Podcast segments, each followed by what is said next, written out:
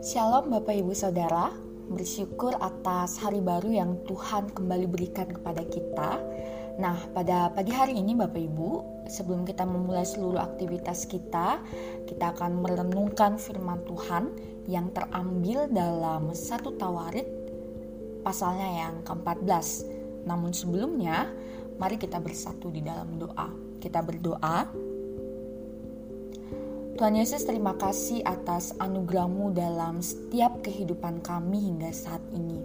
Kami mengucap syukur Tuhan atas kesempatan yang juga kembali Engkau berikan kepada kami untuk kami kembali merenungkan firman Tuhan pada pagi hari ini. Tuhan Yesus mampukan kami untuk memahami firman-Mu dan melakukannya dalam kehidupan kami.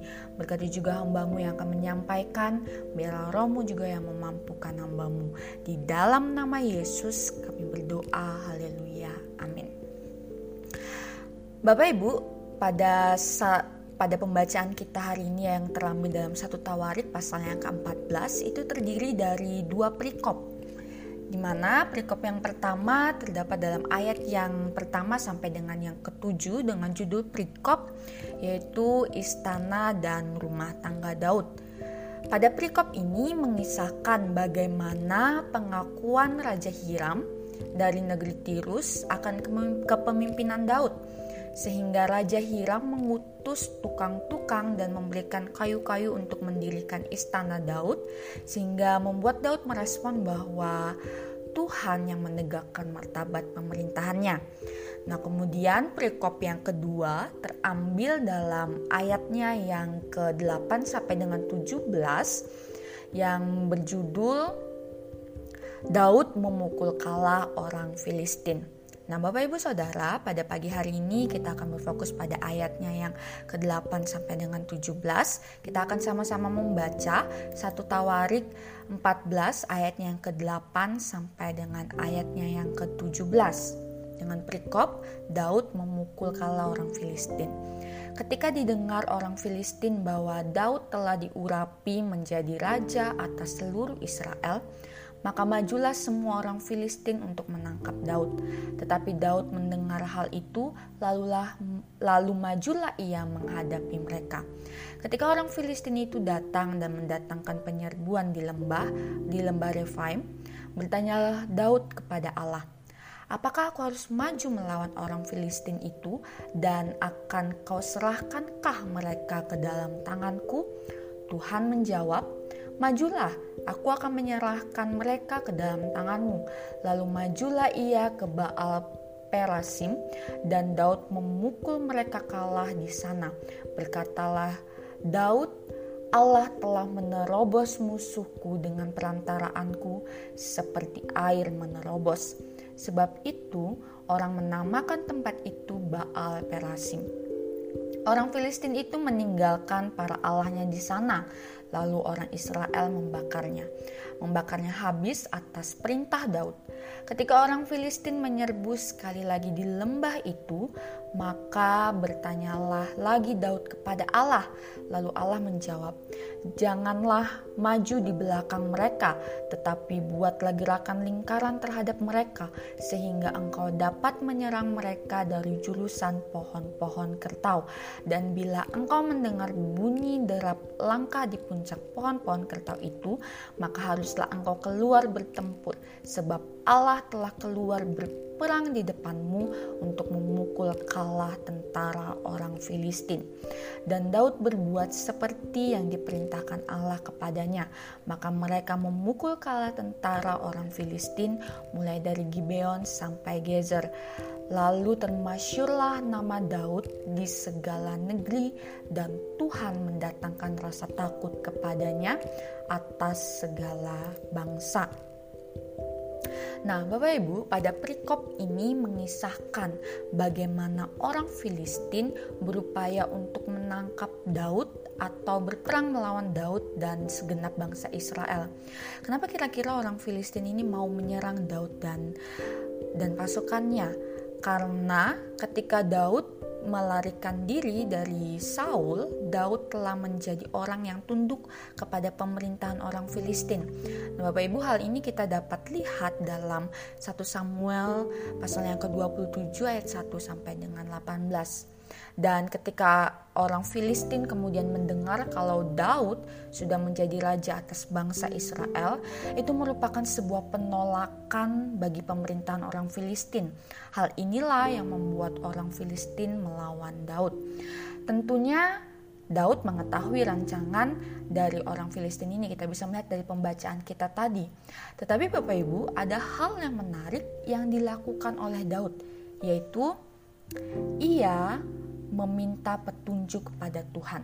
Nah, pada ayat 10 adalah percakapan antara Daud dan Tuhan di mana Daud mengatakan bertanya kepada Tuhan seperti ini apakah aku harus maju melawan orang Filistin itu dan akan kau serahkankah mereka ke dalam tanganku merupakan sebuah langkah awal yang dilakukan oleh Daud sebelum berperang, yaitu bertanya untuk meminta petunjuk kepada Tuhan, apakah ia harus maju dan apakah Tuhan akan menolongnya.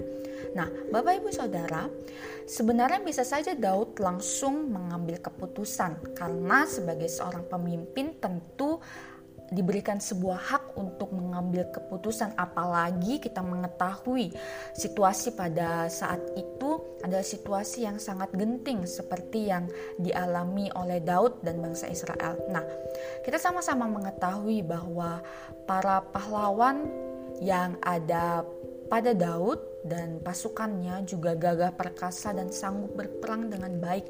Tetapi dituliskan bahwa Daud tidak berperang dengan kekuatan pasukan tempurnya atau strateginya sendiri, tetapi Daud berperang dalam arahan dan tuntunan serta pengaturan Tuhan.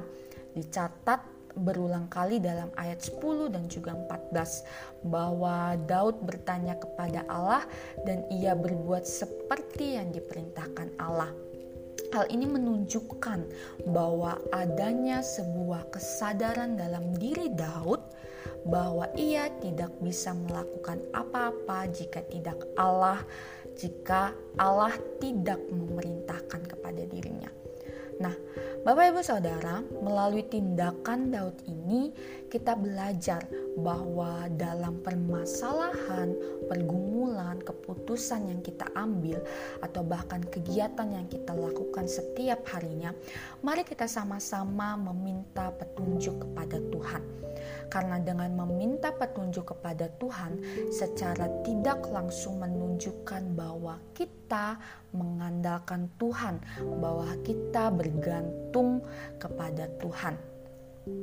Kemudian Bapak Ibu, melalui tindakan Daud ini juga kita sama-sama melihat bahwa Allah menyatakan penyertaannya dalam kehidupan Daud. Hal ini kita bisa buktikan dalam pernyataan Tuhan di pembacaan kita pada hari ini, yaitu pada ayat 10b, Tuhan mengatakan bahwa majulah aku akan menyerahkan mereka ke dalam tanganmu. Kemudian Daud juga menyatakan bahwa pada ayat yang 11b yang seperti kita baca tadi sebuah pernyataan Daud bahwa Allah sudah menyertai dia yaitu Allah telah menerobos musuhku dengan perantaraanku seperti air menerobos. Tidak hanya pada ayat-ayat ini saja Bapak Ibu, pada ayat 14 sampai dengan 15 juga menunjukkan bagaimana Tuhan menyatakan penyertaannya atas Daud melalui strategi yang diberikan kepada Daud untuk melawan bangsa Israel. Dan kemudian kita bisa melihat pada ayat yang ke-17, Tuhan kemudian membuat nama Daud termasyur atas segala bangsa. Dan Bapak Ibu, hal ini mengajarkan kita ketika kita mau meminta petunjuk kepada Tuhan, ketika kita mau mengandal Tuhan dengan mengandalkan Tuhan dengan segenap hati kita, maka Tuhanlah yang akan menyatakan penyertaannya dalam kehidupan kita.